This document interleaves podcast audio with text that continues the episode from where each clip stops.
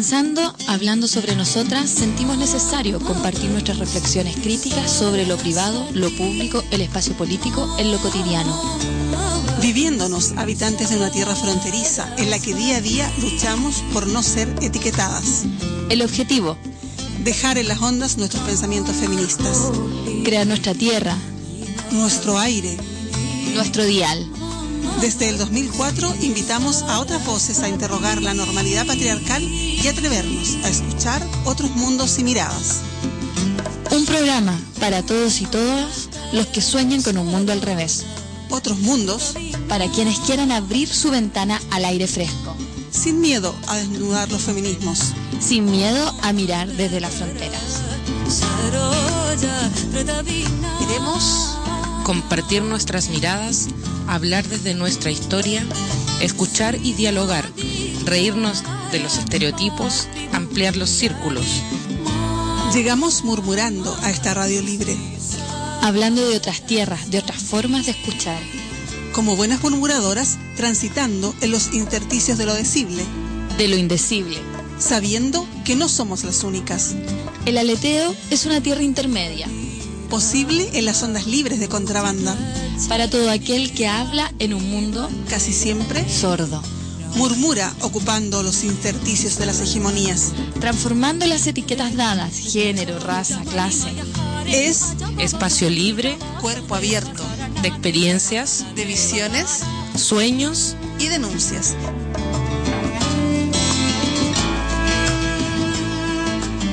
Una oportunidad de diálogo. Que busca desequilibrar las normas Generar un movimiento pequeño que rompa los círculos. y de paso a nuevas formas de vida. Somos Palabra y música desenfadada. Eso que anda en las calles, que quieres y no escuchar. Múltiples voces, Vamos al quiebre. Ahí, ahí donde el género, la diferencia, se transforma en mirada, un espacio de murmullo que no se puede contener. El aleteo desequilibrado, desequilibrado. una tierra para todos y todas los que quieran habitarla. todos los sábados de 5 de la tarde a 7 y media, ponte las gafas lilas. Escucha y vive diferentes voces. Gentes, que día a día se movilizan por un cambio de frecuencia en distintos territorios. Ciencia, cuerpo, música, arte, autoconocimiento, conflicto, trabajo, creación, vida cotidiana. vida cotidiana. Entérate de múltiples lugares en la ciudad donde se está murmurando. Actividades, agenda de la semana, Participa del programa, llamando, escribiéndonos, visitándonos, murmurando. El aleteo desequilibrado, desequilibrado.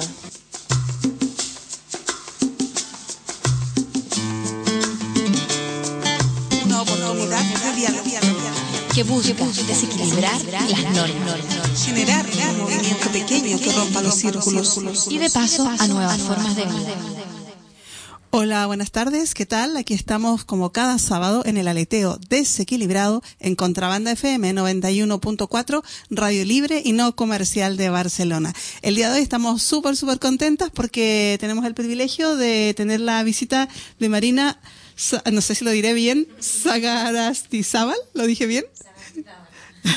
pues, eh, y eh, una grabación que, que nos dio una pequeña entrevista Machalén Lagarreta, que es su profesora, y ellas están investigando sobre el tema del, del uso del tiempo, del cuidado y de cómo esto, en el caso de Marina, afecta al activismo, a la presencia, a la participación política de las mujeres.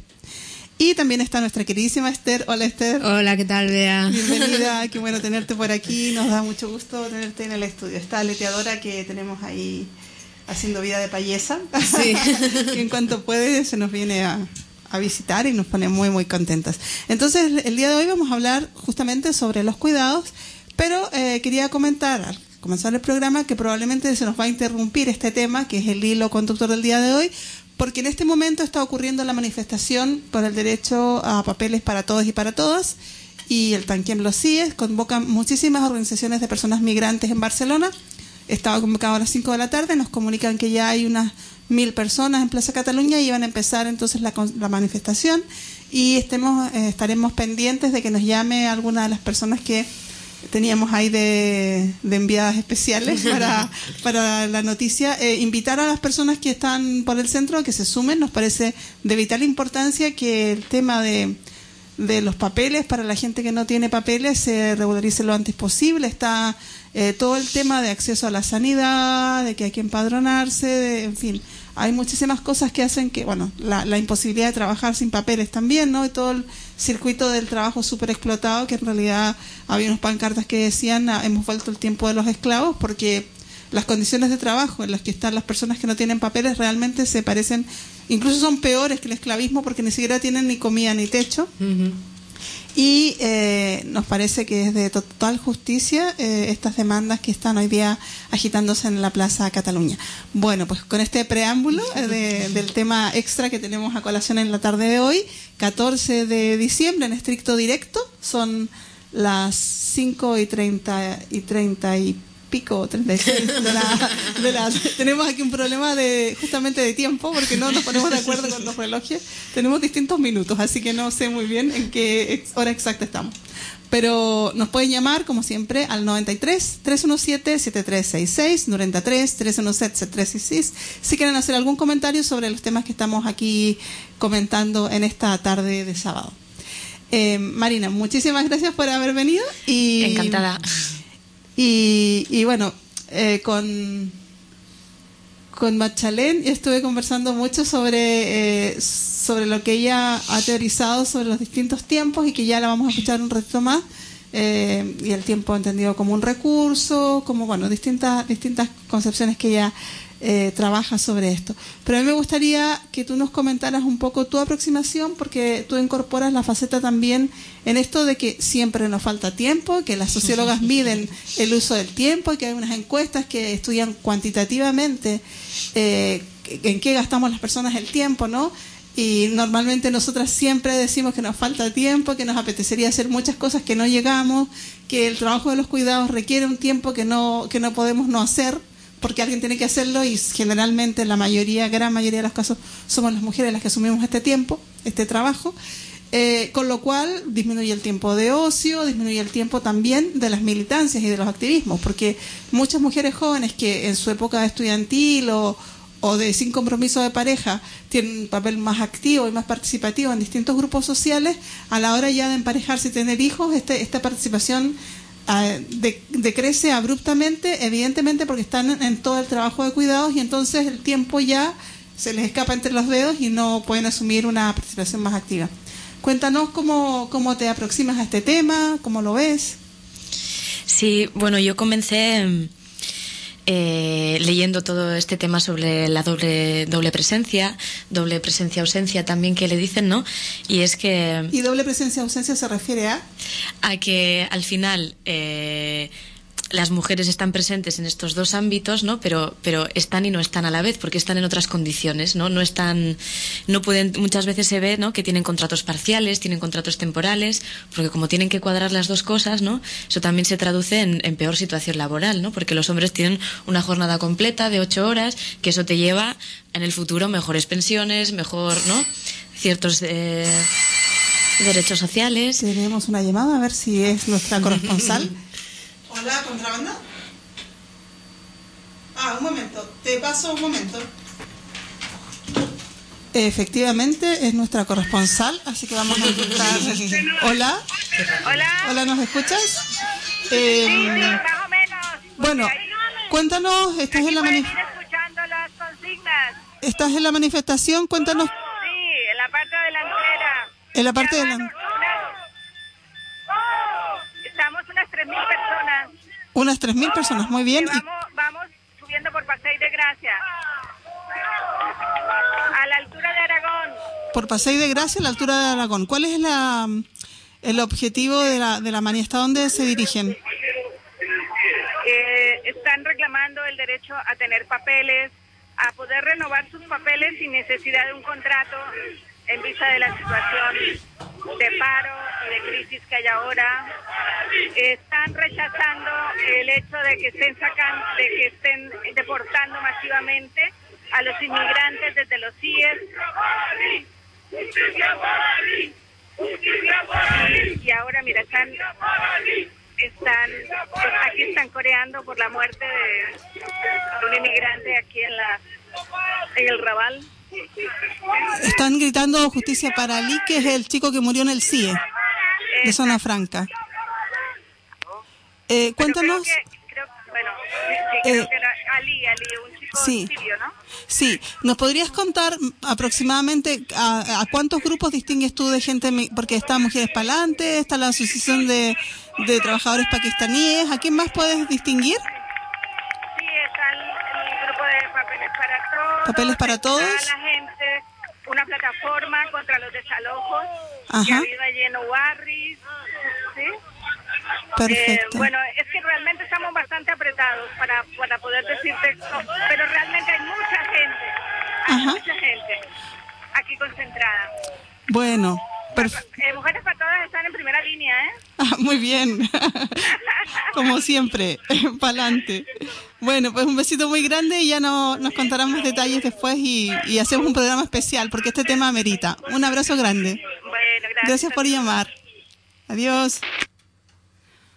Bueno, esta era nuestra llamada en directo. No sé si pudieron escuchar, pero las reivindicaciones eran básicamente por el derecho al trabajo y también por eh, este esta muerte que ocurrió en el Centro de Internamiento para Extranjeros de Zona Franca el 3 de diciembre, donde apareció muerto Alik, un chico sirio que armenio, perdón, que no hay, bueno, eh, deportaron a la gente que era testigo, en fin, una cosa bastante irregular. Eh, la policía dice que se suicidó, las versiones de la gente dicen que no. Así que, en fin, estamos aquí atentas a saber más novedades y, bueno, felicitar a las personas que están manifestándose porque a pesar de, de lo que significa transitar eh, el país sin papeles, que es algo que quien no lo ha vivido no, no sabe lo que significa realmente, eh, es importante no salir y denunciar, estar en la calle y, y mostrar esta otra parte de la realidad de la que muchas personas no son conscientes. Porque como Esther siempre hemos hablado, no hay nada más difícil que darse, los- darse cuenta de los privilegios y este es un gran, gran privilegio, el tener papeles. Desde luego. Bueno, eh, volvemos a- al tema de los cuidados. Estabas Sí. hablándonos tú de la participación y, y cómo te habías aproximado a tu tema de investigación. Sí, sí, bueno, yo creo que hablábamos, ¿no? De, de, de la doble presencia-ausencia, ¿no? Y por qué este término ¿no? de, de presencia y ausencia. Pues bueno, al final, ¿no? El, el tener que compaginar cotidianamente estos dos ámbitos significa, ¿no? Tener que tener, pues, otros contratos, tener que tener, ¿no? Otra otras otras cualidades en el, en el trabajo no que no que los hombres en- sin, sin embargo tienen una jornada completa Sí. ocho horas no pueden tener disponibilidad total al mercado laboral no que al final muchas veces eso es lo que luego se traduce en derechos sociales no como pensiones tal y como las mujeres participan de otra forma en el mercado laboral porque no tienen tiempo no porque tienen que cuadra- que cuadrar otro trabajo no que se considera bueno, que es invisibilizado, pero que mucho- normalmente lo realizan las mujeres, ¿no? Y los hombres parece que no, que no tienen nada que ver con, con esto, ¿no? Que, que para nada es así, pero, pero bueno, y, y estas encuestas muestran muy bien, ¿no? Esta carga global de trabajo de las mujeres, ¿no? Y se ve como cotidianamente meten dos horas y media más de media, ¿no? De, de horas de trabajo que los hombres, ¿no? En realidad están trabajando más. Y por lo tanto esta sensación de no tener tiempo, de no llegar a, De no llegar a todo, de claro. no llegar a todo, ¿no? Es mucho más fuerte en, en- en las mujeres que, que los hombres, ¿no? Y, y bueno, al final esto se traduce en, en tener menos tiempo libre, tener menos tiempo de ocio, tiempo para ellas, ¿no? Para poder hacer lo que quieran y, por supuesto, también menos tiempo para poder participar, ¿no? De los movimientos sociales, etcétera, etcétera, ¿no? Y, y bueno, que al final esto se, se traduce en una situación de- de- de desigualdad. Y, y como diferentes estudios también de participación política no muestran cómo las mujeres están están menos o sea, eh, Están menos presentes, están ¿no? menos presentes no que sí que están claro que están pero también dicen que están de otra forma ¿no? Y según cómo te acerques también a mirar la participación política, pues probablemente las verás o no, ¿no? Todo el tema más formal de, por ejemplo, partidos políticos, sindicatos y tal, ¿no? Las mujeres, o sea, suelen estar en, menor medida, ¿no? Pero en cambio, cosas mucho más cotidianas que tienen que ver con, el día a día, ¿no? Una asociación de vecinos, por ejemplo, ahí sí que están mucho más, mucho más presentes, ¿no? Nosotras lo hablamos, por ejemplo, en, en todas las mareas, la marea de defensa de la educación, de la sanidad, la marea blanca, de la sanidad, la de la vivienda, todo. Hay muchísimas mujeres participando, pero si tú ves, salvo la, la Bacolao, que es una excepción y que es como, bueno, eh, la mujer dirigente de los movimientos sociales en, actualmente en Cataluña, ¿no? Pero si tú ves quiénes hablan, quiénes toman las vocerías, y esto tiene que ver también con los roles de género, eh, las mujeres ya no están presentes. O sea, pueden estar sosteniendo el movimiento desde la base, desde, desde el estar ahí en las manifestaciones, también hay mucha presencia femenina, pero a la hora de, los cargos ya de, vocería o de... No son visibles, ¿no? Y, claro, ya ahí como que queda en, un plano absolutamente de, segundo plano. Sí. Em, sí. Sí. No, que muchas veces parece también que que el, el, tema de los cuidados se reproduce ¿no? en la dinámica de los movimientos, sociales, y que todo lo público de cara afuera ¿no? lo realizan los hombres y todo el trabajo de hormiguita de día a día, ¿no? que es más invisible, de mm. mantenimiento y tal, lo realizan más las mujeres. ¿no? Eso también diferentes estudios también han, señalado y así, es, es muy curioso verlo. ¿no? Es, sí. Eh, estas encuestas que se hacen de uso del tiempo, que yo no las conozco porque son algo muy, muy técnico, pero eh, yo le preguntaba a, Machalén, eh, que cómo, cómo era la, la, recepción o si ella se había dado cuenta de, de, algún mínimo atisbo de conciencia de parte de los varones cuando contestan esta encuesta y me decían que, claro, que su objetivo no es crear conciencia, sino que recoger datos, pero que ella ve que pasan absolutamente, o sea, que no tienen ninguna reflexión crítica porque después me comentaba que ella también trabaja en grupos de discusión y que allí las opiniones eran, bueno, yo he trabajado toda la vida, ahora me jubilé y toca, me descansar, toca descansar. claro.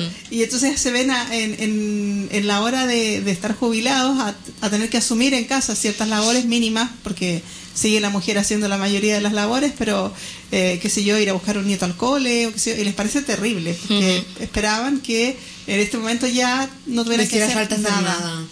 Hay un concepto que me gusta mucho de Amaya que decía el sujeto champiñón, ¿no? Sí, sí, es genial. que es como como no hace falta hacer nada, ¿no? Es decir, ya está, ya el único trabajo que hago es el trabajo asalariado y todo el resto de trabajo como que no, sale, no sale existe. sale por la humedad ambiental. Claro, exacto, como los champiñones, ¿no? De repente tengo comida, de repente el baño está limpio, bueno, todos los cuidados se hacen mágicamente, ¿no? la mano invisibles, ¿no? Claro, ese sujeto champiñón, ¿no? Que no se da cuenta de que hay un montón de trabajos ahí invisibilizados, ¿no? Y también esta idea masculinizada de la autonomía, ¿no? De, de, que solos no podemos ser autónomos y tal, pero claro, a costa de invisibilizar todos esos trabajos, ¿no? Que lo hacen, son trabajos feminizados. Eh, totalmente, bueno, esto, esta consigna que siempre se levanta cada, cada huelga que se hace, ¿no? De la huelga de cuidados, yo creo que realmente sería una forma de expresar, de evidenciar la cantidad de horas y de trabajo que son imprescindibles para el sostenimiento mm. de la vida y que no se valoran porque en realidad pasan absolutamente eh, como si fuesen hechos mágicamente, como dices tú. una horita mágica y está cocinada, la compra hecha, la ropa limpia, yo qué sé, la casa recogida. Bueno, alguien hizo ese trabajo. Y alguien que, que incluso las mujeres que porque también, claro, dentro de este tema de los cuidados hay un tema de clase y hay mujeres que pueden pagar por, por externalizar ciertos servicios, pero incluso las mujeres que pagan por externalizar servicios de cuidado son ellas las que se hacen cargo de la minuta de la compra, de que se va a cocinar cada día, de bueno, de, gestionarlo, ¿no? de gestionar y administrar todo esto. O sea, que no es que se descarguen de todo, o sea, se descargan del trabajo concreto, pero la organización del trabajo de cuidado recae en el, creo que no exagero si digo en el 99%, porque habrá alguno. alguno por ahí que haga algo, ¿no?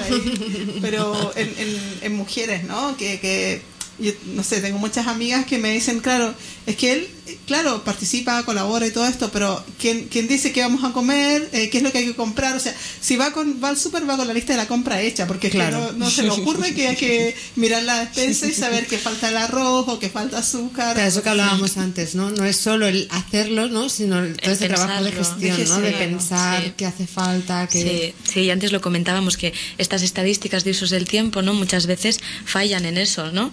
Porque no hay manera de recoger todo el trabajo que es, que es al final se realiza al mismo tiempo, ¿no? Tú puedes estar eh, preparando la comida y al mismo tiempo vigilando que el crío no se caiga de no sé dónde, pensando en lo que, lo que me falta que tengo que comprar cuando vaya al supermercado, ¿no? que todo esto no hay manera de, recogerlo, ¿no? Y sin embargo, pues, bueno, a través de otros métodos, ¿no? De eh, entrevistas y tal, sí que se ve mucho más como ellas tienen mucho más la, gestión de que están pensando todo el rato y bueno, salgo del trabajo hasta ahora y tengo que ir a recogerlos a no sé dónde y tengo que comprarle, eh, tengo que pasar por la, la farmacia porque mi madre le ha pasado no sé qué y tengo que comprar, ¿no? Todo esto se ve mucho más y en el, en el significado al final del tiempo, ¿no? Es, se ve muy claro, ¿no? Como muchas veces ellas eh, ven el, el, cuidado como una carga que les quita tiempo, ¿no? Eh, un poco sentimiento de, de, privación de tiempo, de este tiempo no es mío, no puedo elegir sobre el tiempo, ¿no? ¿no? puedo decir, hoy voy a tirarme en el sofá y voy a estar viendo todo el día la tele, ¿no? Y voy a hacer lo que me da la gana, ¿no? Es, es un sentimiento de es que, es que lo tengo que hacer, ¿no? Y, la responsabilidad, ¿no? Sí, Moral, ¿no? De... Bueno, que esto... y, si no la culpa, bueno, en fin, son muchos mecanismos que se gatillan. Les propongo seguir hablando de esto y mucho más después de una pequeña pausa musical. Hoy día vamos a estar escuchando a Sarah Vaughan en, en música de jazz, que es un regalo de nuestro querido Antonio. Un besito para ti si estás escuchando. Y vamos a escuchar a esta mujer en un tema que es Willow Whip for Me. Um, jazz en el aleteo desequilibrado. Bend your branches green along the stream that runs to sea. Listen to my plea. Listen and willow weep for me. Gone by lover's dream, lovely summer dream. Gone and left me here to weep my tears into the stream. Sad as I can be, hear me, willow, and weep for me.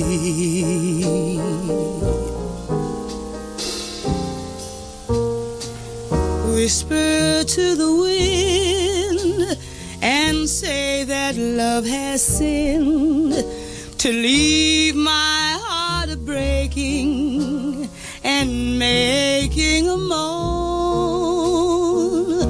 Murmur to the night to hide her starry light, so none will find me sighing and crying all alone. Oh, willow, weep for me weep in sympathy.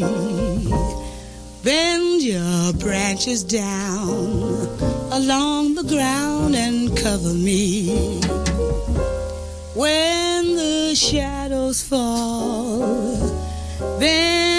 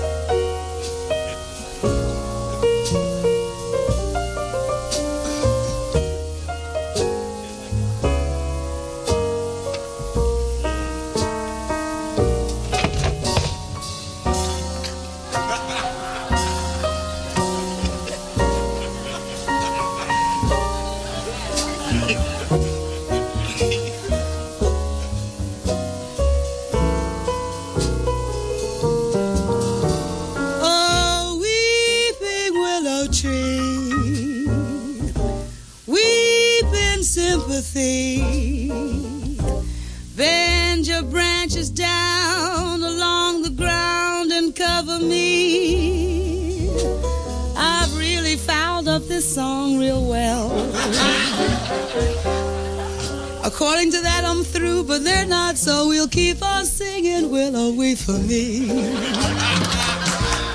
Willow, wait for me. Willow, wait for me. Willow, wait for me.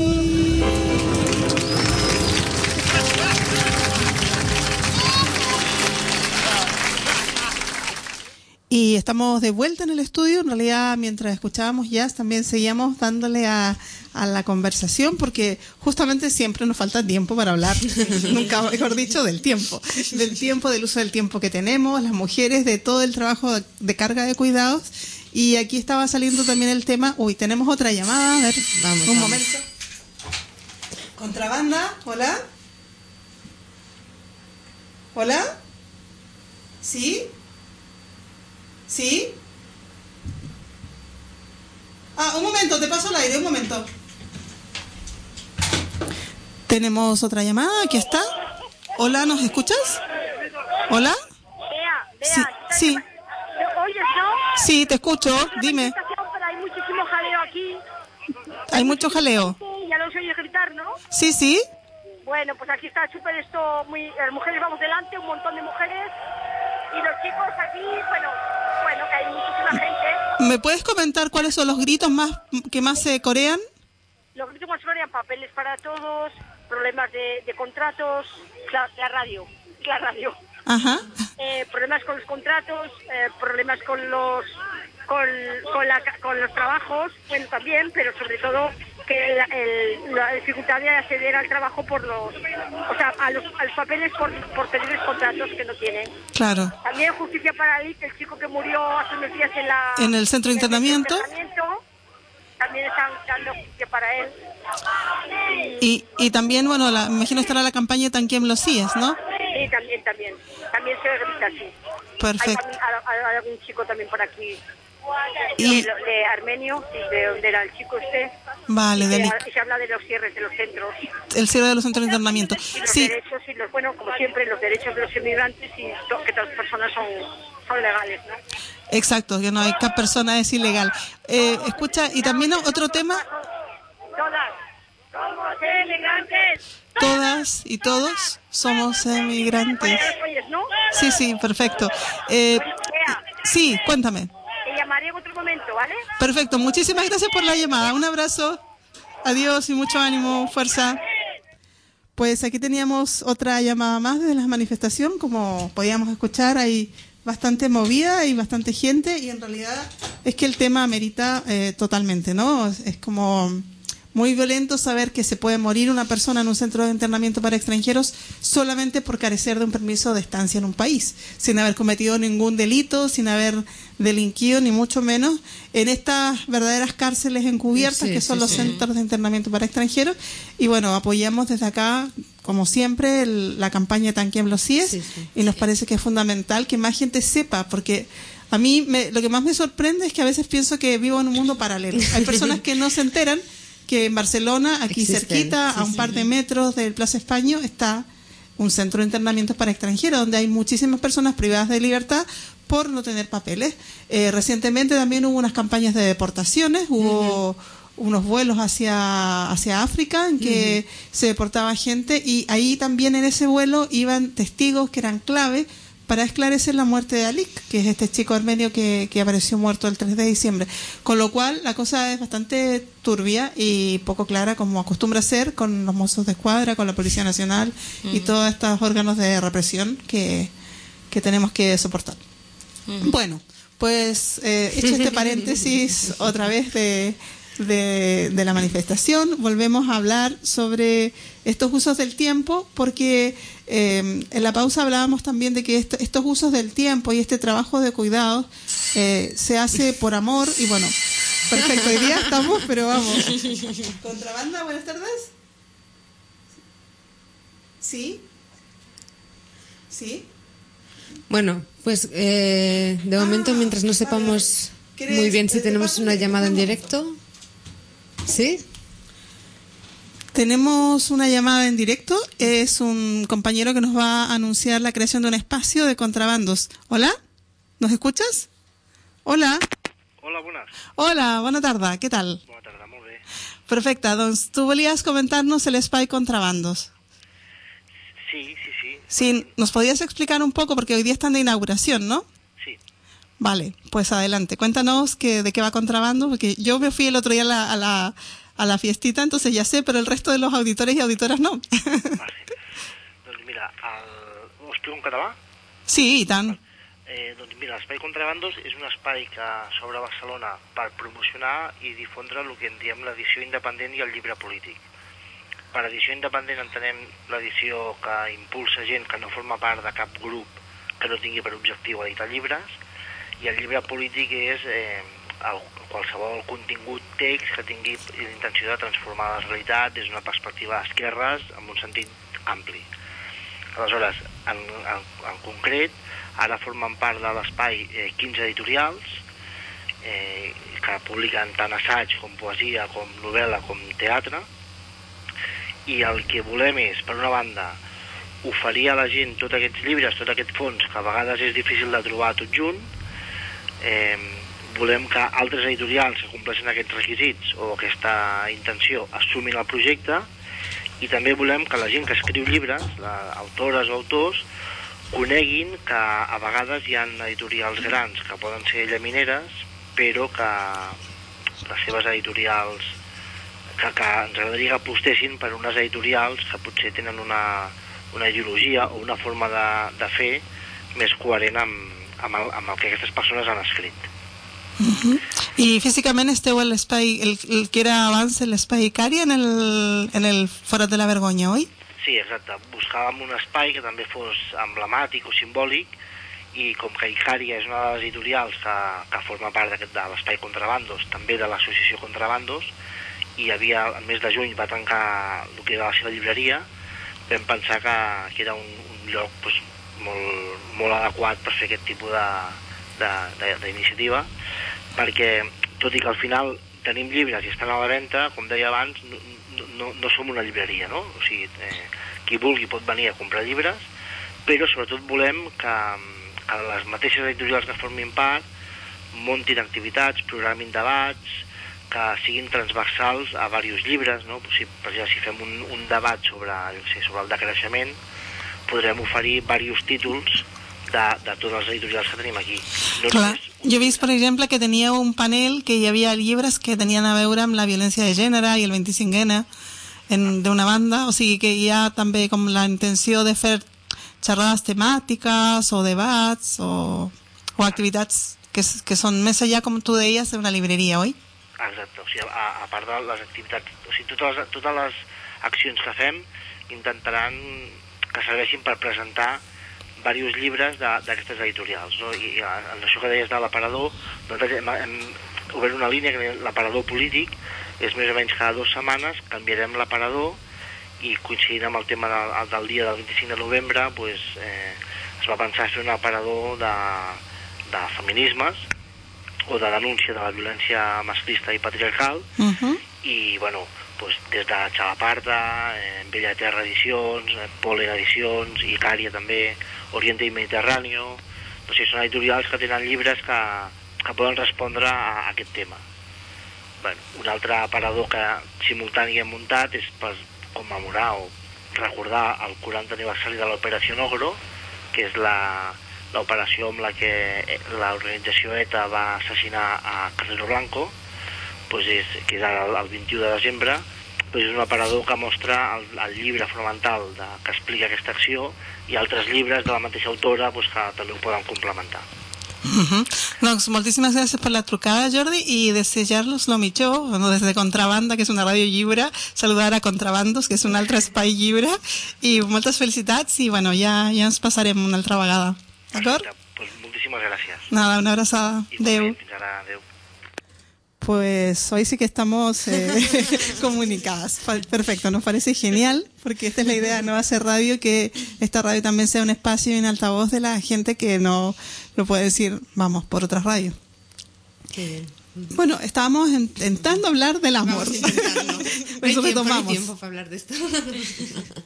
sí, bueno, lo que estábamos hablando ya hace un ratito, ¿no? Era la idea esta de, de bueno, lo que llama mm, Amaya Pérez Orozco la ética reaccionaria del cuidado, ¿no? Muchas veces pues hemos pensado en el cuidado como algo bonito, que se hace desde el amor, y claro, pensarlo solo desde ahí, pues al final, pues son las mujeres que acaban eh, en contra de su propio bienestar, ¿no? Pues inmolándose por los demás, ¿no? Sí. Y, ¿no? Lo que decíamos, ¿no? No tiene tiempo para ella ni para hacer nada porque es de una manera se naturaliza, ¿no? y, y lo hace por amor, ¿no? Y con lo de la ética reaccionaria del cuidado, pues es dar, ¿no? Este toque de crítica, ¿no? Y el decir que que cuidado, ¿no? Porque se está pensando desde un sacrificio, desde una naturalización de ciertos roles y que no es eh, no produce ni bienestar muchas veces ni para la cuidadora ni para el cuidador, ¿no? Que son roles un poco peligrosos. Sí, sí, sí, de ahí también es importante entender el cuidado como un trabajo, ¿no? Que muchas veces también se reivindica desde, ¿no? desde el feminismo y, y bueno, también desde la academia, ¿no? Académicas diferen- diferentes académicas feministas hablan de esto, ¿no? De considerar el cuidado, el cuidado también como un trabajo y ver cómo al final el sistema mismo se, se mantiene gracias a- Claro. al cuidado de, ¿no? Di- diario de, para que los trabajadores y las trabajadoras puedan ir, no y sobre todo los trabajadores, el- los sujetos champiñones, esto, Sí. puedan ir todos los días a trabajar, ¿no? Es porque hay detrás toda una red, ¿no? Que, que procura bienestar en el día a día, ¿no? Claro. Y que, que al final si, si entenderíamos la economía como un iceberg, ¿no?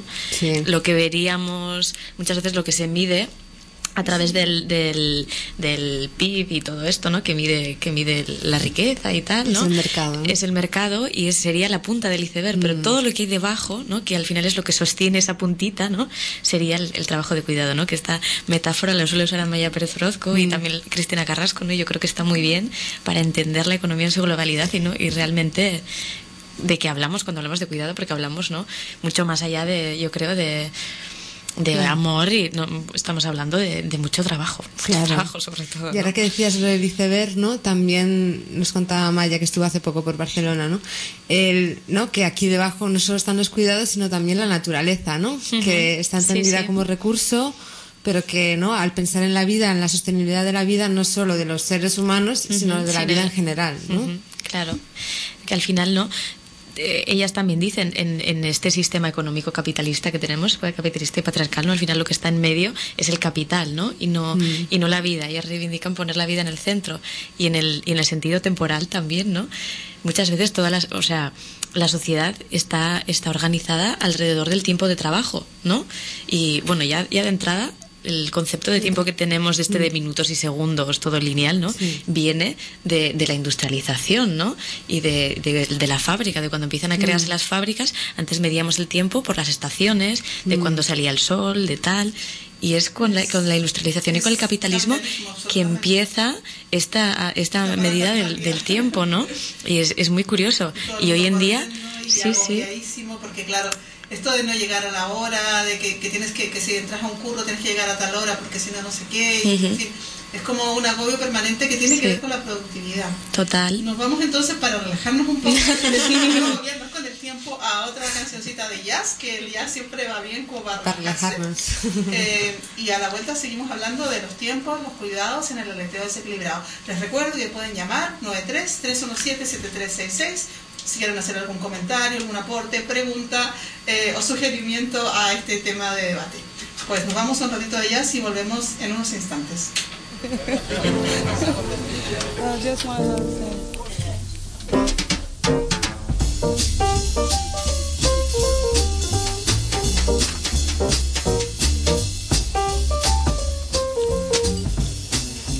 It was just one of those things, just one of those crazy flings, one of those bells that now and then rings, just one of those things. It was just one of those nights. Just one of those fabulous flights, a trip to the moon on gossamer wings. Just one of those things things if we thought a bit of the end of it when we started painting the town.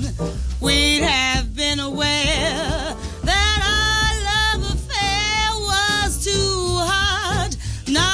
cool down. So goodbye,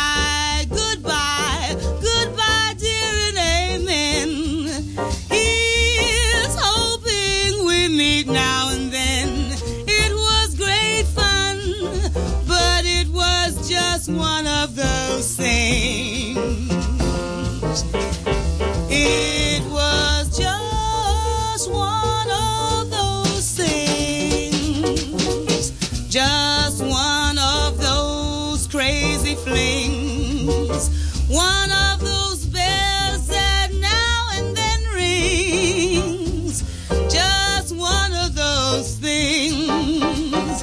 It was just one of those nights. Just one of those fabulous flights. A trip to the moon on gossamer wings.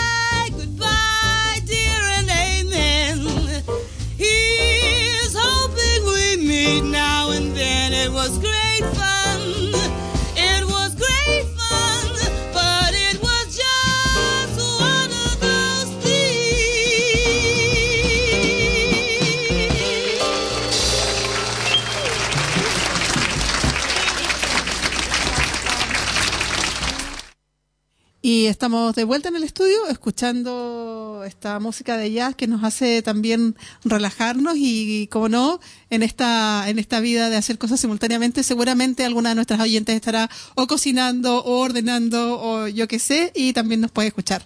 Eso, eso de gracia tiene la radio, que se pueden hacer muchas cosas mientras uno la escucha. Que la tele igual engancha y, no, y te inmoviliza mucho más, ¿no? Eh, aprovecho de recordar que nuestra querida tele.cat,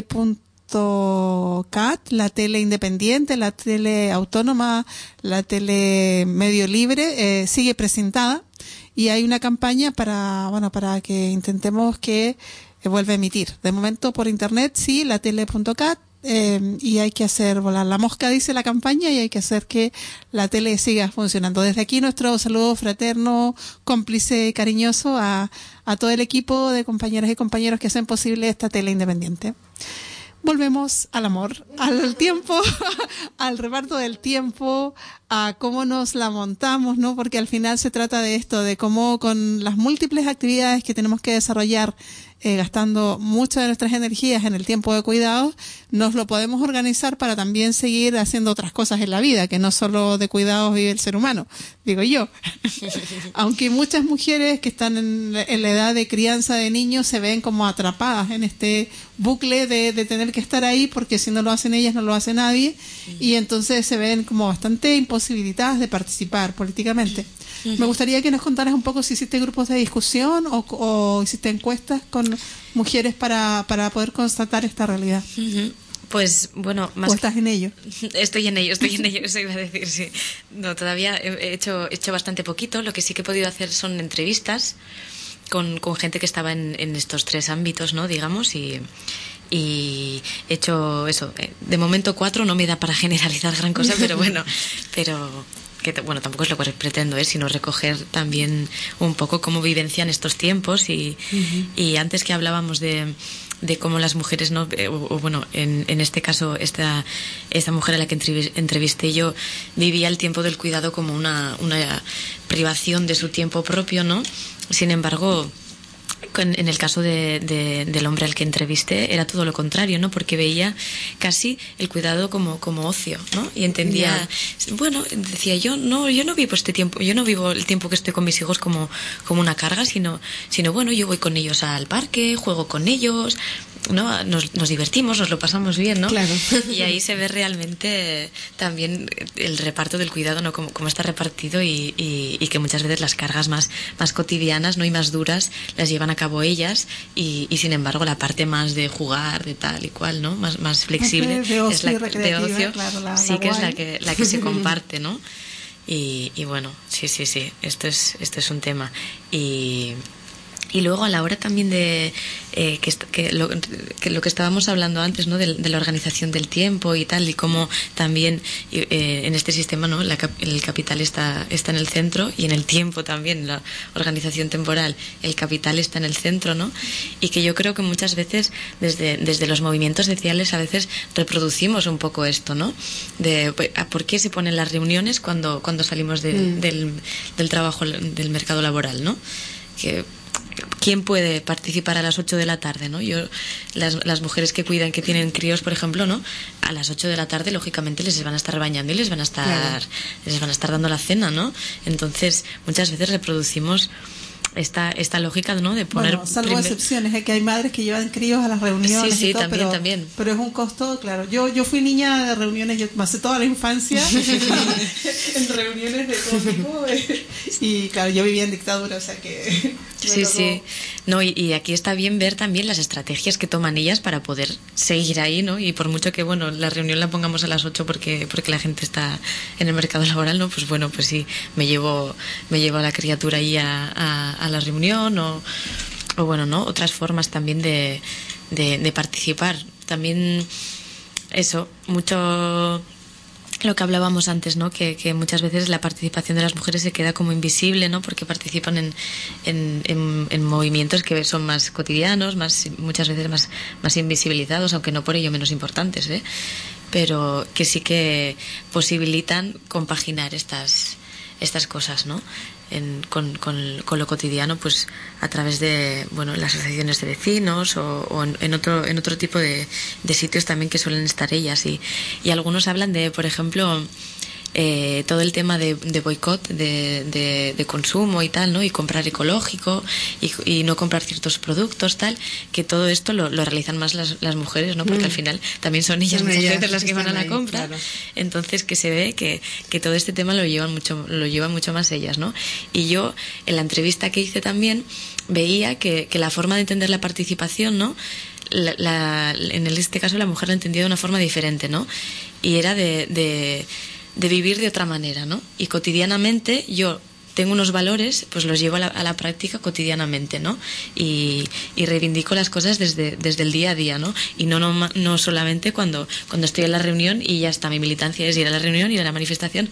No, es realmente lo que creo, llevarlo a la práctica, ¿no? Y tomar ciertas de- decisiones ¿no? Por ejemplo, esta chica hablaba de, de, bueno, pues para poder compaginarlo, lo que hemos hecho, yo y mi pareja, es reducir el tiempo de, de trabajo, ¿no?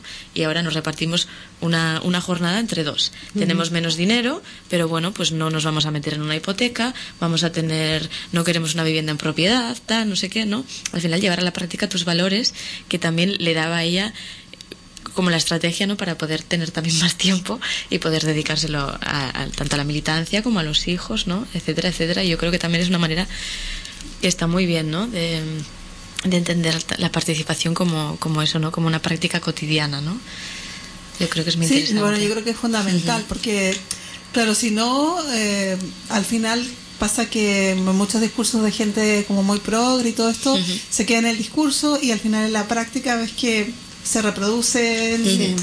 eh, todo temas de consumo. En cambio, si lo, si lo miras como en realidad, bueno, yo pienso esto, pienso en un mundo distinto, pienso que creo que tenemos que construir en el día a día una sociedad diferente, pues con acciones concretas y muy como estas chicas o como muchas mujeres que que con sus familias están intentando eh, ejercer cotidianamente unas maneras diferentes de relacionarse con este sistema.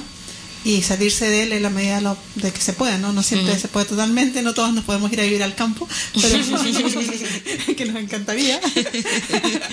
pero bueno. Estáis invitadas, ¿eh? ya, ya lo sé. bueno, que, que apetece mucho, Sí. pero claro, no es una posibilidad para todo el mundo, ¿no? Pero sin embargo, sí hay gestos como, como todas las propuestas que hace el de Crecimiento, de, de pensar mucho realmente qué compramos, que cuando compramos ciertas compañías, qué sé yo, hay todo el boicot, por ejemplo, Imaginarium, que es esta compañía Mm, que trae sí. de Israel, bueno, en fin, hay montones de campañas circulando y que tienen todo un peso y tienen una, una, una cantidad de porqués muy argumentada. Y yo creo que también falta dar difusión a estas campañas que por supuesto que no se van a escuchar por los medios comerciales y que en el fondo cuando te das cuenta de que te ven como una consumidora, un consumidor y te sacas esa etiqueta, ¿no? Y tratas de apuntarte a la cooperativa, comprar la verdura, no sé, donde el señor que la trae de la, de la huerta de no sé dónde, eh, vas haciendo pequeñitas cosas que realmente van, van contribuyendo a tener un un mundo un poco diferente. Y que también, como, como ya sabemos, no vamos, vamos lento porque vamos lejos también. Que es una frase de los zapatistas que me gusta mucho, sí. porque estoy totalmente convencida de que es así, que la- los grandes cambios no se van a poder hacer de un rato para el otro, sino que en la medida que más personas se den cuenta y que tomen un papel mucho más activo en, en su práctica concreta, diaria de donde compran o no compran, donde se estresan por la hipoteca o no se estresan directamente porque toman otra opción, o, o se van de ocupa o yo qué sé, o sea, hay muchas opciones, o comparten, que es una alternativa que, que antiguamente estaba como, como pensada casi para gente joven que Mm. compartía piso porque Mm. estaba estudiando transitoriamente, pero no se veía como una alternativa Ujú. real. Y yo realmente apuesto por la comunidad, porque vivir en comunidad no tiene por qué ser exclusivo y privativo de gente de 20 años. Yo creo que se pueden armar comunidades eh, de gente mucho, digamos, de cualquier edad y se pueden mezclar edades y es una experiencia súper rica y Claro. interesante, digamos, que yo creo que, bueno, que yo he experimentado y me, me gusta mucho realmente. Y en relación a los cuidados, yo creo que es súper importante, ¿no? Porque como todo el peso de los cuidados está más en la idea de la familia tradicional, ¿no? Que tiene esta responsabilidad moral, ¿no? De hacer todos estos trabajos, pues cómo pasar esto de alguna manera a otras formas de convivencia donde hay un apoyo mutuo, ¿no? Y de los cuidados, ¿no? Yo creo que aquí entran, pues eso, ¿no? Cómo pensar estas comunidades o formas de compartir convivencia desde ahí también, ¿no? Fuera de la familia tradicional. Nos vamos a otra pausa musical. Estamos súper emocionadas, pero hay que poner un poco de música para disfrutar también de, de esta maravillosa voz.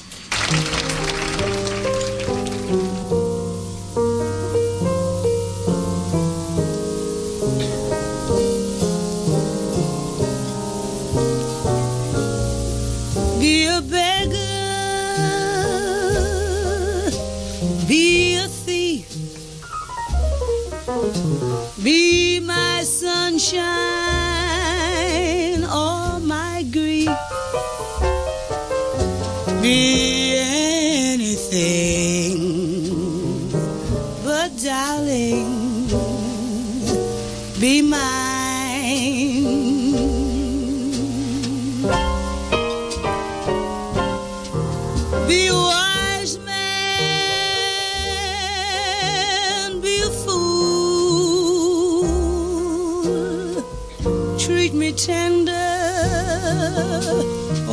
Be cruel.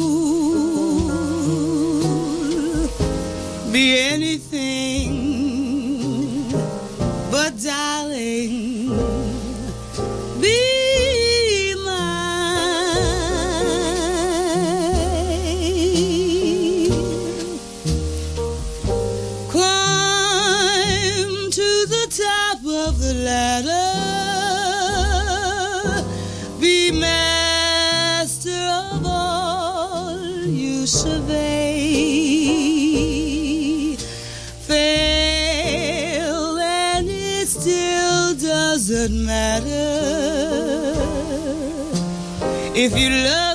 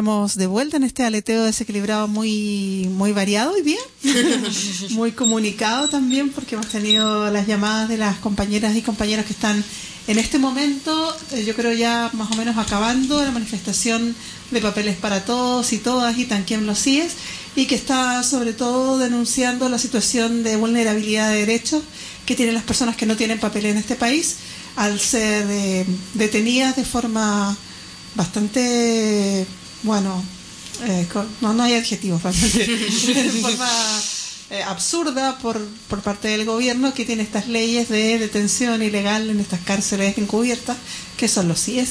Así que desde acá nuestro, nuestro apoyo y nuestro cariño a, la- a todas las personas que estaban con sus carteles eh, abogando para que hubiera papeles para todos y todas. Y también estamos hablando con Marina. Marina. Hoy día estoy, fatal con los nombres, eh, sobre su trabajo de investigación, que nos parece que, bueno, yo así precipitadamente te invité, pero porque cuando, cuando me contaron de que estabas trabajando, dije, es que es lo clave, o sea, para mí y yo creo que para muchísimas feministas, el poner de relieve el trabajo de cuidados y el, tra- el poner de relieve todo este toda esta concepción de que sostiene el mundo finalmente es muy importante sobre todo porque las mujeres no somos conscientes de este trabajo eh, reproductivo que estamos haciendo constantemente. Como es un trabajo que no es valorado que no tiene ni dinero ni pago de por medio que se hace muchas veces por amor y por el deber ser Mm. porque hay toda la moral del cuidado también detrás de todo esto. Eh, y se ve como comillas natural cierre de comillas que las mujeres lo hagamos pues nos ponen en este rol no de, de, de estar cuidando al mundo y no y, y dónde queda yo yo quería girar un poco la conversación a dónde queda el autocuidado. Porque muchas veces las mujeres que están en una familia se ocupan del cuidado de, de todas las hijas y los hijos, de la pareja, de la madre, de la abuela, de la suegra, del suegro, del vecino, y pocas veces se preocupan de sí mismas.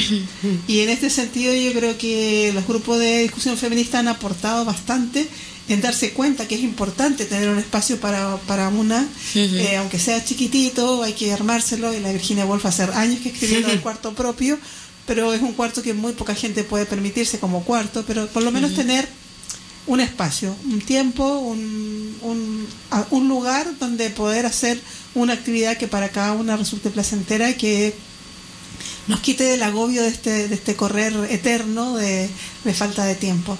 Yo sé que es difícil porque concretamente, bueno, muchas amigas y yo misma a veces no tenemos tiempo ni para juntarnos.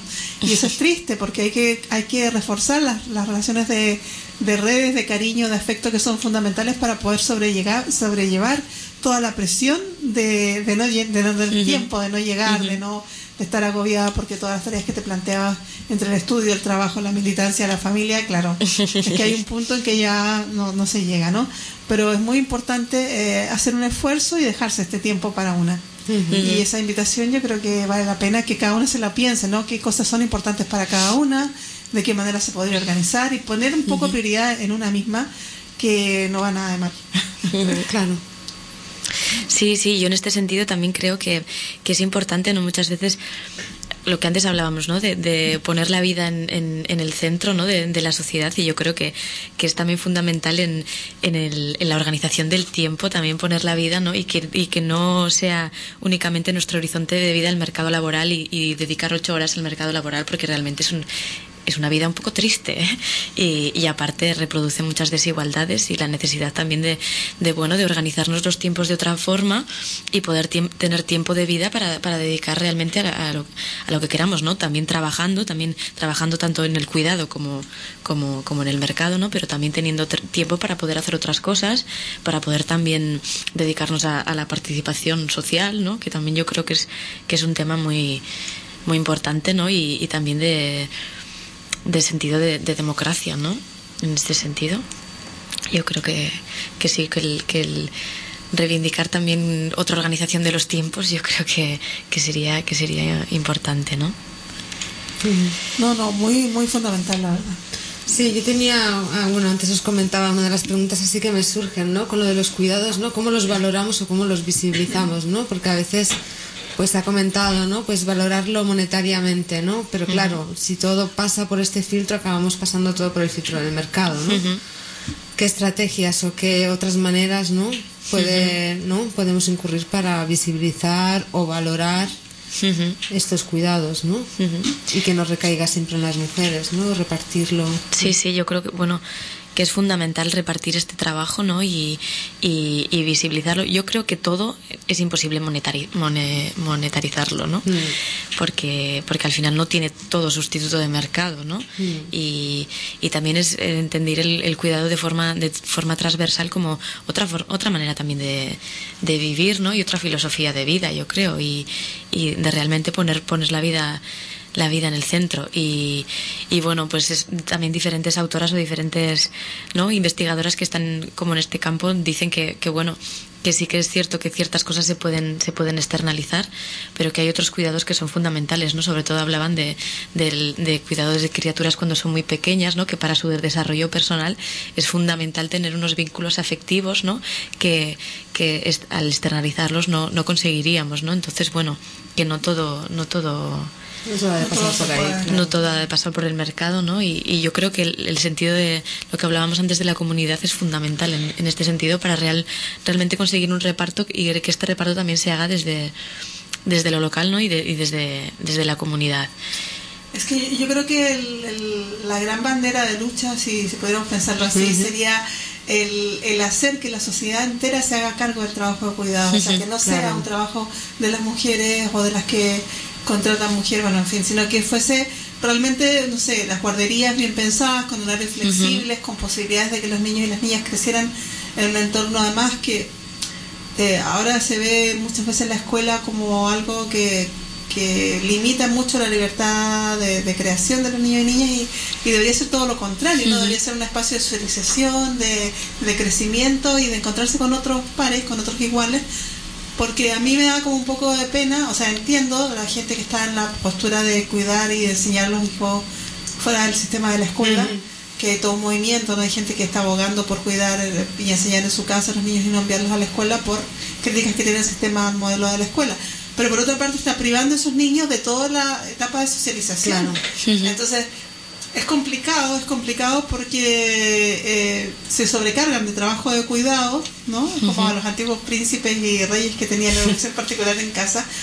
Pero estas familias están asumiendo que la madre se dedique a ser profesora, madre psicóloga, etcétera, etcétera, todas las cosas de un niño que no va a tener contacto con otros niños o niñas, que seguramente va a ser mucho más eh, autorreferente, que no va a saber lo que es la empatía, porque no va a, no va a tener muchas posibilidades de enterarse.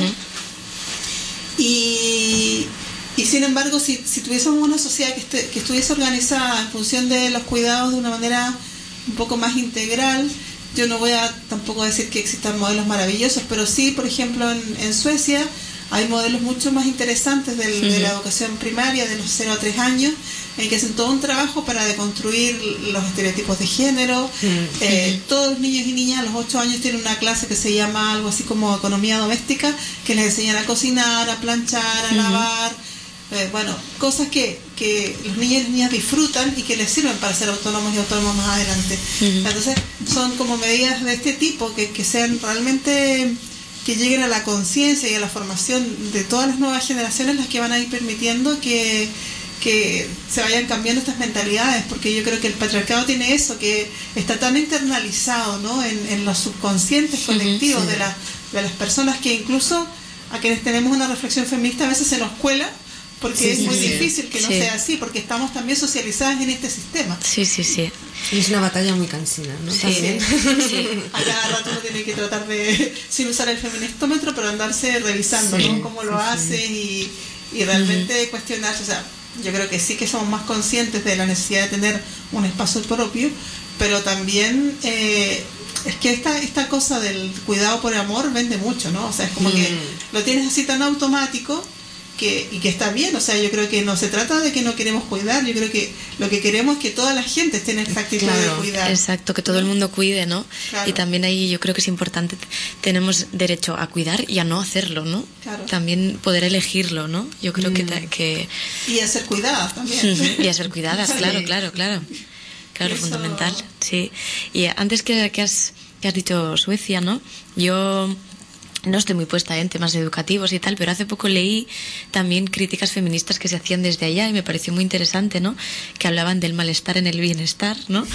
y que, y que decían que, que, bueno, sí que se han hecho un montón de políticas públicas y, y en el tema de conciliación de vida, vida laboral y vida familiar han hecho un montón de cosas que, bueno, que aquí nada que ver, vamos, ni, ni, ni, ni color ni, ni nada, ¿no? Pero también decían que que bueno que se ha pasado de años atrás no que las mujeres dependían del sueldo del hombre no para para pues para bueno para poder vivir y tal no y que ahora estaba pasando como que dependían del Estado y dependían de las políticas del Estado para poder para poder seguir seguir adelante y sobrevivir no y, y bueno y, y poder compaginar todo y tener un trabajo etcétera etcétera.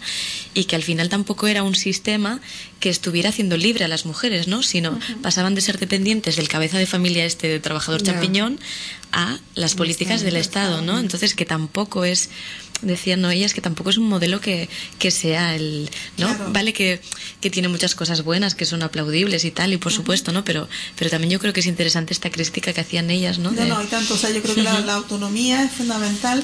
Y cuando yo ponía esto en, en cuestión, sobre todo tenía que ver con, con el aprendizaje de niños y niñas de otros modelos, pero no de, de las relaciones de poder que finalmente se ejercen también, porque si eres dependiente, claro, no es lo mismo ser dependiente del, comillas, marido, pareja, lo que sea, a del Estado, pero igual es una relación de jerarquía y de dependencia, que no es la que nos parece que sea la más sana ni la más libre, para nada. Pues nos vamos al siguiente tema musical, ya yo creo que es el último de la tarde. Estamos con Sara Baugan y este regalo del Antonio que nos ha encantado. Gracias Antonio otra vez si nos estás escuchando.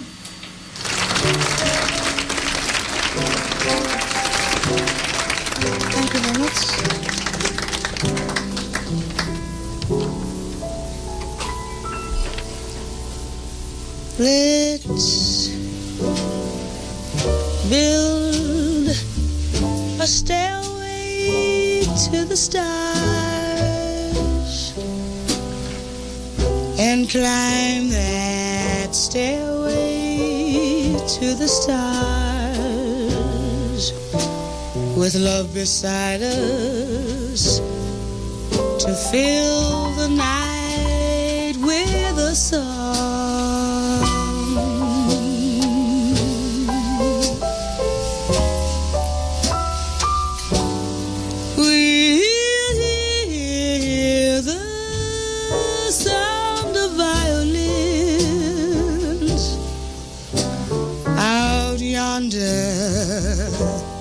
where the blue begins.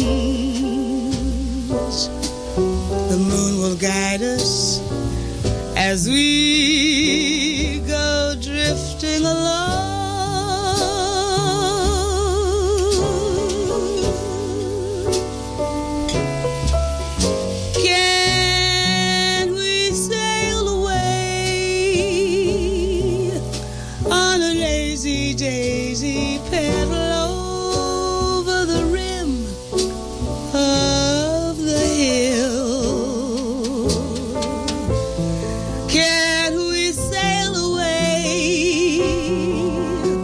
on a little dream and settle high on the crest of a thrill?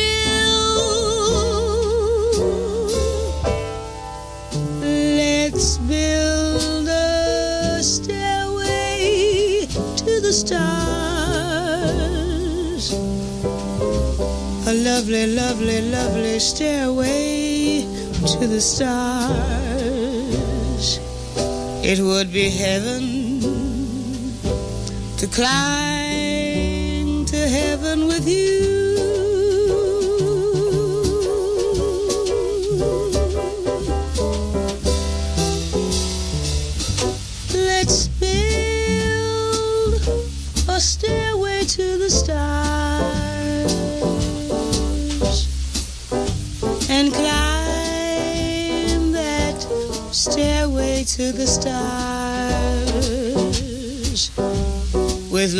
Beside us to fill the night with a song.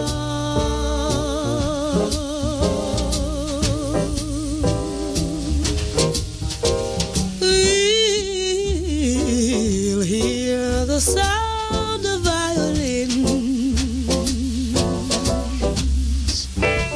way out yonder where the blue begins.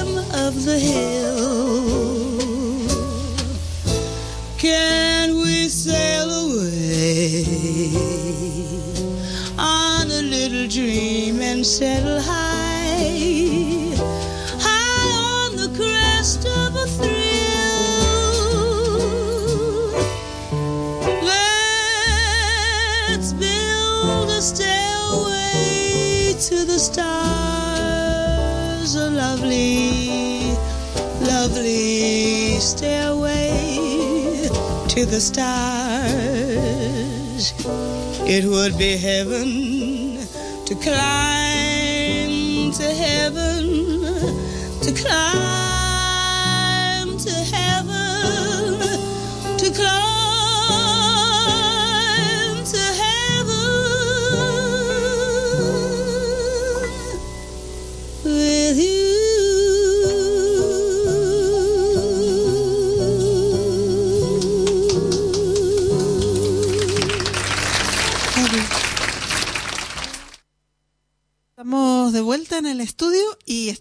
justamente de esta falta de tiempo que nos eh, tortura muchas veces porque no llegamos y estabas contando una anécdota recién que me gustaría que la repitiera. Es como, eh, eh, bueno, decía que, que, por ejemplo, en el movimiento, movimiento 15M, había, yo no conozco personalmente, pero, pero bueno, me habían dicho eso, que, que, que, claro, qué pasaba con las mujeres que no tenían tiempo, ¿no? Para bajar a la plaza y participar ahí también uh -huh. en las asambleas, ¿no? Y que, y que bueno, gracias a, a, las nuevas tecnologías también, ¿no? Que tienen buenas funciones, pues, pues que hay, hay el caso de una mujer, ¿no? Que, que decía, bueno, yo no tengo tiempo y no, no puedo bajar ahí a la plaza, pero bueno, me, se hizo un blog, ¿no? Y, y, ella colgaba todas sus, sus opiniones y sus reflexiones y lo que pensaba, ¿no? Como una forma también de, bueno, de, de poder dar su aportación y estar allí, ¿no? Aunque no pueda estar físicamente, ¿no?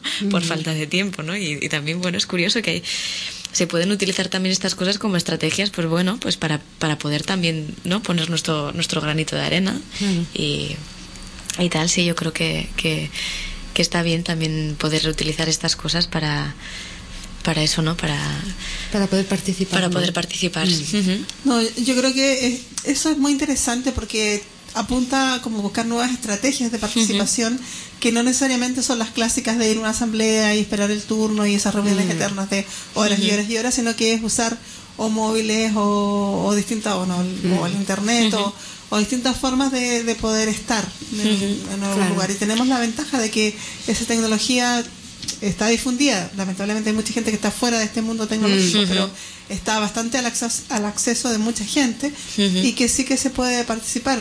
Nosotras en el aleteo tenemos un montón de amigas que por Facebook o por correo nos mandan información y para nosotras es fundamental y es muy bonito poder contar con las reflexiones de todas esas personas que nos están que se están comunicando con nosotras mediante bueno mediante esto internet que hay, hay algunas oyentes del aleteo que no he visto nunca en la vida y me haría mucha ilusión conocer. Conocerlas. Claro, porque lo que nos plantean es un aporte muy interesante, la verdad. Yo creo que es como ser creativa, ¿no? En las formas de participar y de, y de estar. Y de estar eh, de, de diferentes maneras. Hay gente que es más artista y tal vez puede pintar algo, puede hacer una propuesta cultural, gráfica, musical, plástica, en fin, una intervención callejera, un, distintas maneras. Entonces, no también eh, centrarnos en que la forma de participar es hablar, que bueno, nos gusta mucho que las mujeres hablen y hablemos, pero, pero tampoco son las únicas maneras. Y eso hay que serlo Claro. súper consciente de, de que son tenemos una riqueza de formas de comunicarnos que, que hay que potenciar, estimular y difundir. En ello estamos, o tratando de hacerlo por lo menos. Eh, yo antes de acabar el programa quería saltarme de tema porque tenemos una otra contingencia de estas urgentes que, que nos hacen variar un poco los temas de los que hablamos. Y me refiero ni más ni menos que a la- al intento de cambio de la Ley Orgánica de Salud Sexual y Reproductiva y de Interrupción Voluntaria del Embarazo que nuestro ministro Gallardón quiere impulsar. Eh, comillas lo de nuestro. Y tengo acá una declaración de la Sociedad Española de Salud Pública y Administración Sanitaria, porque se rumorea que es muy probable que muy pronto, se habla del 20 de diciembre, salga aprobada esta horrorosa modificación de la ley. Y entonces queríamos dar a conocer esta declaración para después hablar de, de las acciones, ¿no? Porque están preparadas y pensadas un montón de acciones de rechazo porque nos parece realmente horroroso. Bueno, voy a leer la declaración. Eh, ante las diversas declaraciones del ministro de Justicia, Alberto Ruiz Gallardón, sobre la posible modificación o reforma de la Ley Orgánica de Salud Sexual y Reproductiva y de Interrupción Voluntaria del Embarazo del 3 de marzo del 2010, seis sociedades científicas federadas en la Sociedad Española de Salud Pública y Administración Sanitaria, CESPAS, manifiesta su preocupación por el riesgo que la nueva propuesta supondría para la salud física, psicológica y social de las mujeres que viven en España. Actualmente, y según los datos del Ministerio de Sanidad, se realizan más de 100.000 interrupciones voluntarias de embarazo en España cada año, lo que equivale a unas 12 interrupciones anuales por cada 100.000 mujeres en edad fértil. Existe evidencia científica de que la prohibición de la interrupción voluntaria del embarazo no implica una reducción de las mismas, sino que deriva en que éstas se produzcan en peores condiciones sanitarias. Esto según la OMS, un artículo publicado en 2012. La OMS también pone de manifiesto que las interrupciones voluntarias del embarazo realizadas sin un mínimo estándar sanitario suponen un alto riesgo de morbilidad y mortalidad materno-infantil como consecuencia principalmente de hemorragias, infecciones, envenenamiento y otras complicaciones. Contrariamente, la legalidad del proceso de interrupción deriva en la disminución de las tasas de mortalidad de las mujeres con resultados inferiores a una muerte por cada 100.000 interrupciones. Por lo tanto, se ha demostrado que en cuanto más restrictiva es la ley de interrupción, existen más abortos clandestinos y en consecuencia más riesgo de mortalidad materna, o sea, enfermedad o muerte de las madres. Además, desde la perspectiva de la salud pública, entendemos que los embarazos no deseados pueden ser un factor de riesgo de mala salud mental. También se ha de tener en cuenta que obligar a llevar a término un embarazo donde se diagnostican malformaciones fetales, además de ser un riesgo para la salud, puede tener una grave repercusión económica y social. Esta repercusión se ve agravada por la situación actual de dificultades de empleabilidad y los recortes sanitarios y sociales, por la consecuente que tenemos disminución del estado de bienestar. Igualmente, desde una perspectiva de salud pública, no podemos obviar que la legalidad del proceso es condición necesaria pero no suficiente.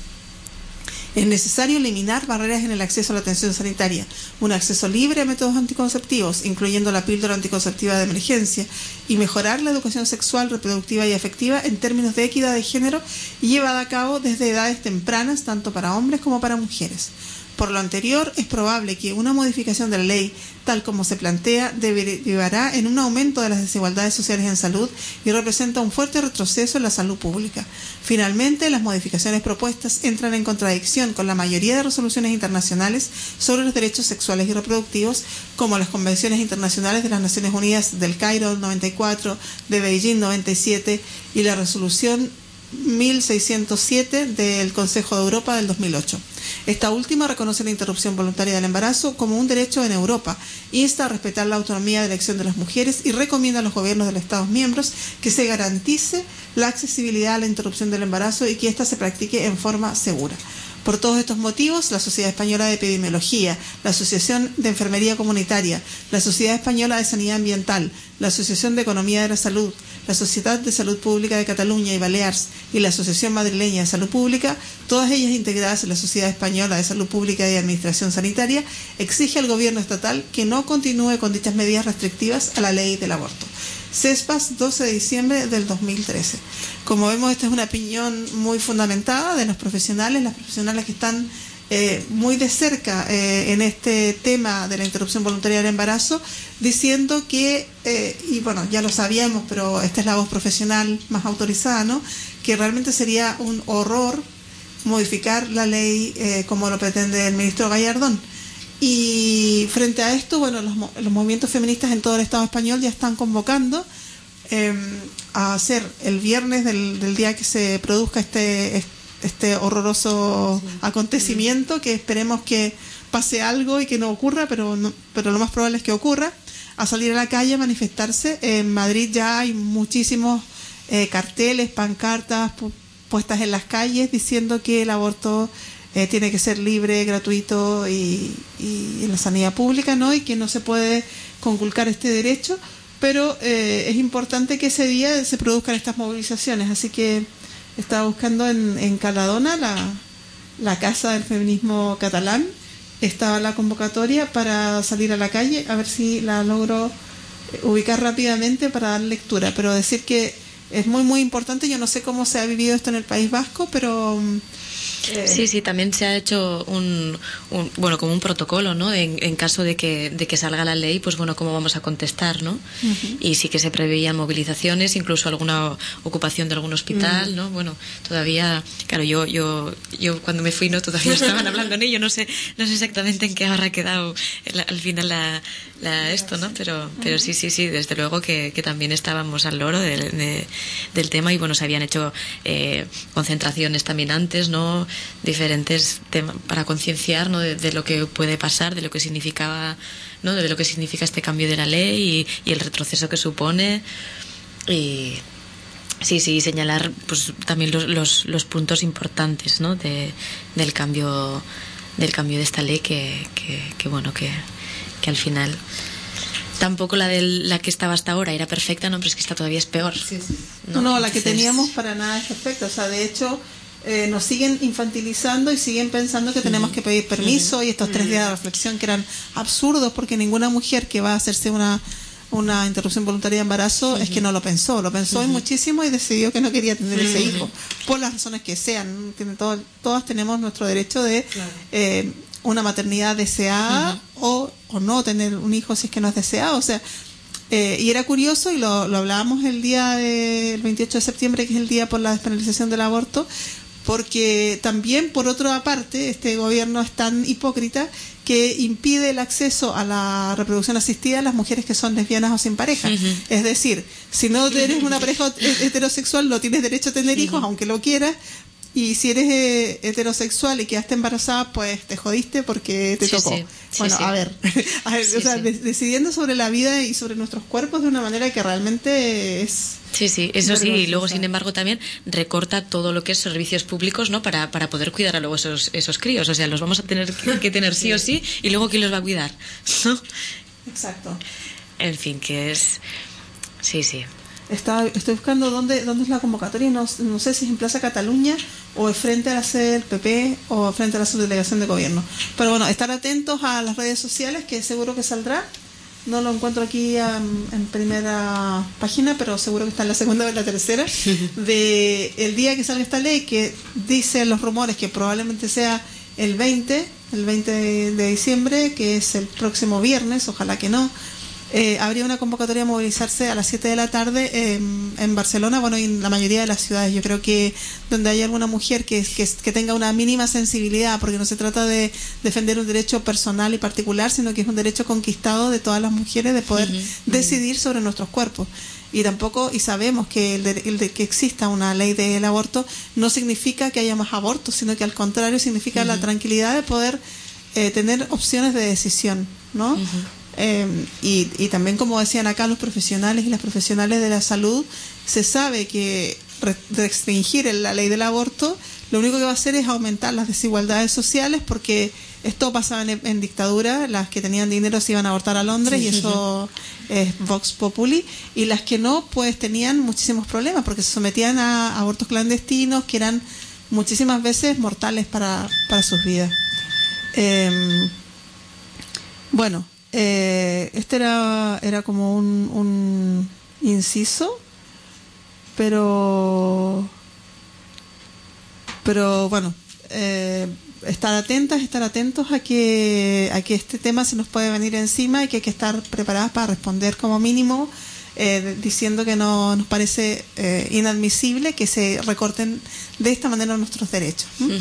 y, y entonces marcar bien que en cuanto salga la, la ley aprobada, pues va a haber manifestaciones en la calle y hay que buscar por internet eh, dónde serán exactamente porque no lo tenemos ahora así rápidamente. Agradecerles muchísimo que hayan venido y nos quedan tres minutitos de programa, así que podríamos hacer como una última reflexión. Les invito a hacer como de, de este programa, no voy a decir que hagamos una síntesis porque es imposible, pero qué cosas les gustaría a ustedes que las personas que nos están escuchando se quedaran pensando, así como tarea para la casa hacen otras cosas y, y qué reflexiones así serían como las que ustedes podrían rescatar si fueran si tuvieran que poner un titular en el en el blog del aleteo qué podrían poner a ver, qué difícil.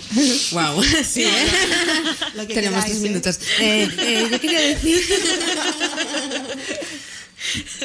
pues no sé, yo creo que cada una, replantearnos cada una desde nuestro propio cotidiano, ¿no? Pues que eh, si ponemos el centro en la vida, ¿no? Como estábamos diciendo, qué cosas, ¿no? Deberíamos de transformar y, y, cómo podíamos hacerlo, ¿no? Pues desde cositas que hemos comentado, pues tener en cuenta esto de, yo creo que es muy importante el apoyo mutuo, el tener redes, ¿no? El no encerrar los cuidados en los hogares uh -huh. y, y, repartir los roles, ¿no? Visibilizando qué tareas hace cada uno y cada. Uh -huh. Sí, repartir el trabajo y repartir el tiempo también, ¿no? Y, y que llegue el día en el que podamos decidir en qué queremos dedicar nuestro tiempo, ¿no? Y, y, y, poder tener tiempo propio para nosotras mismas, ¿no? Y no estar siempre atrapadas en este bucle, bucle de, de, ¿no? De, de, de no tengo tiempo para hacer nada y tengo que hacer esto y tengo que hacer lo otro y no sé qué, ¿no? Que al final se traducen en malestar también y al final es no es, es, es, falta de salud no y luego eso Exacto, eso se te ve enfermas ¿no? claro claro. Uh -huh. te enfermas de falta de tiempo eso ya. Eso hay muchos casos cercanos que, que dan cuenta de ello. Entonces eh, bueno yo creo que para mí como lo que lo que más me gustaría de, de remarcar de este programa y que bueno vamos a continuar en esto porque tenemos la entrevista que, que hicimos que no que no, no, alcanzamos a poner porque siempre falta tiempo por supuesto. Paradójicamente pero bueno hacemos otro programa sobre esto. Y es el tema del autocuidado. Yo creo que el, el poder centrarse también en qué cosas nos hacen bien a cada una de nosotras eh, haciendo siendo consciente de la importancia de las redes y la importancia fundamental de las amigas. Yo creo que sin amigas este sistema no podría existir, o sea, porque resistimos básicamente porque tenemos estas redes de afecto y de cariño y de amistad que nos van conteniendo y que nos van animando y que cuando estemos muy, muy estresadas nos van apoyando.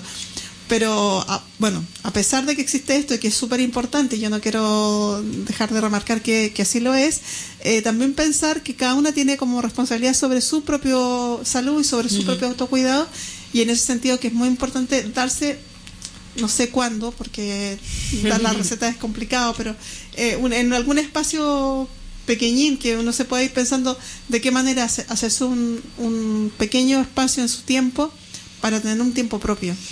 Que sea para el capricho que tienes de ir a caminar a no sé dónde o no sé qué, bueno, lo que sea, lo que a cada una le apetezca, pero que es súper, súper importante y que Ujú. muchas veces no, no lo hacemos porque priorizamos por el cuidado de los otros o de las Ujú. otras y estamos siempre poniendo a las otras personas delante de nuestras necesidades. Y eso es una cosa que yo creo que es muy importante replantearse y se nos acabó el tiempo. bueno, adiós, una- un gran abrazo y sobre esto seguimos. Muchísimas gracias por haber venido. ti, Bea. A y ti. hasta la próxima. Adeu.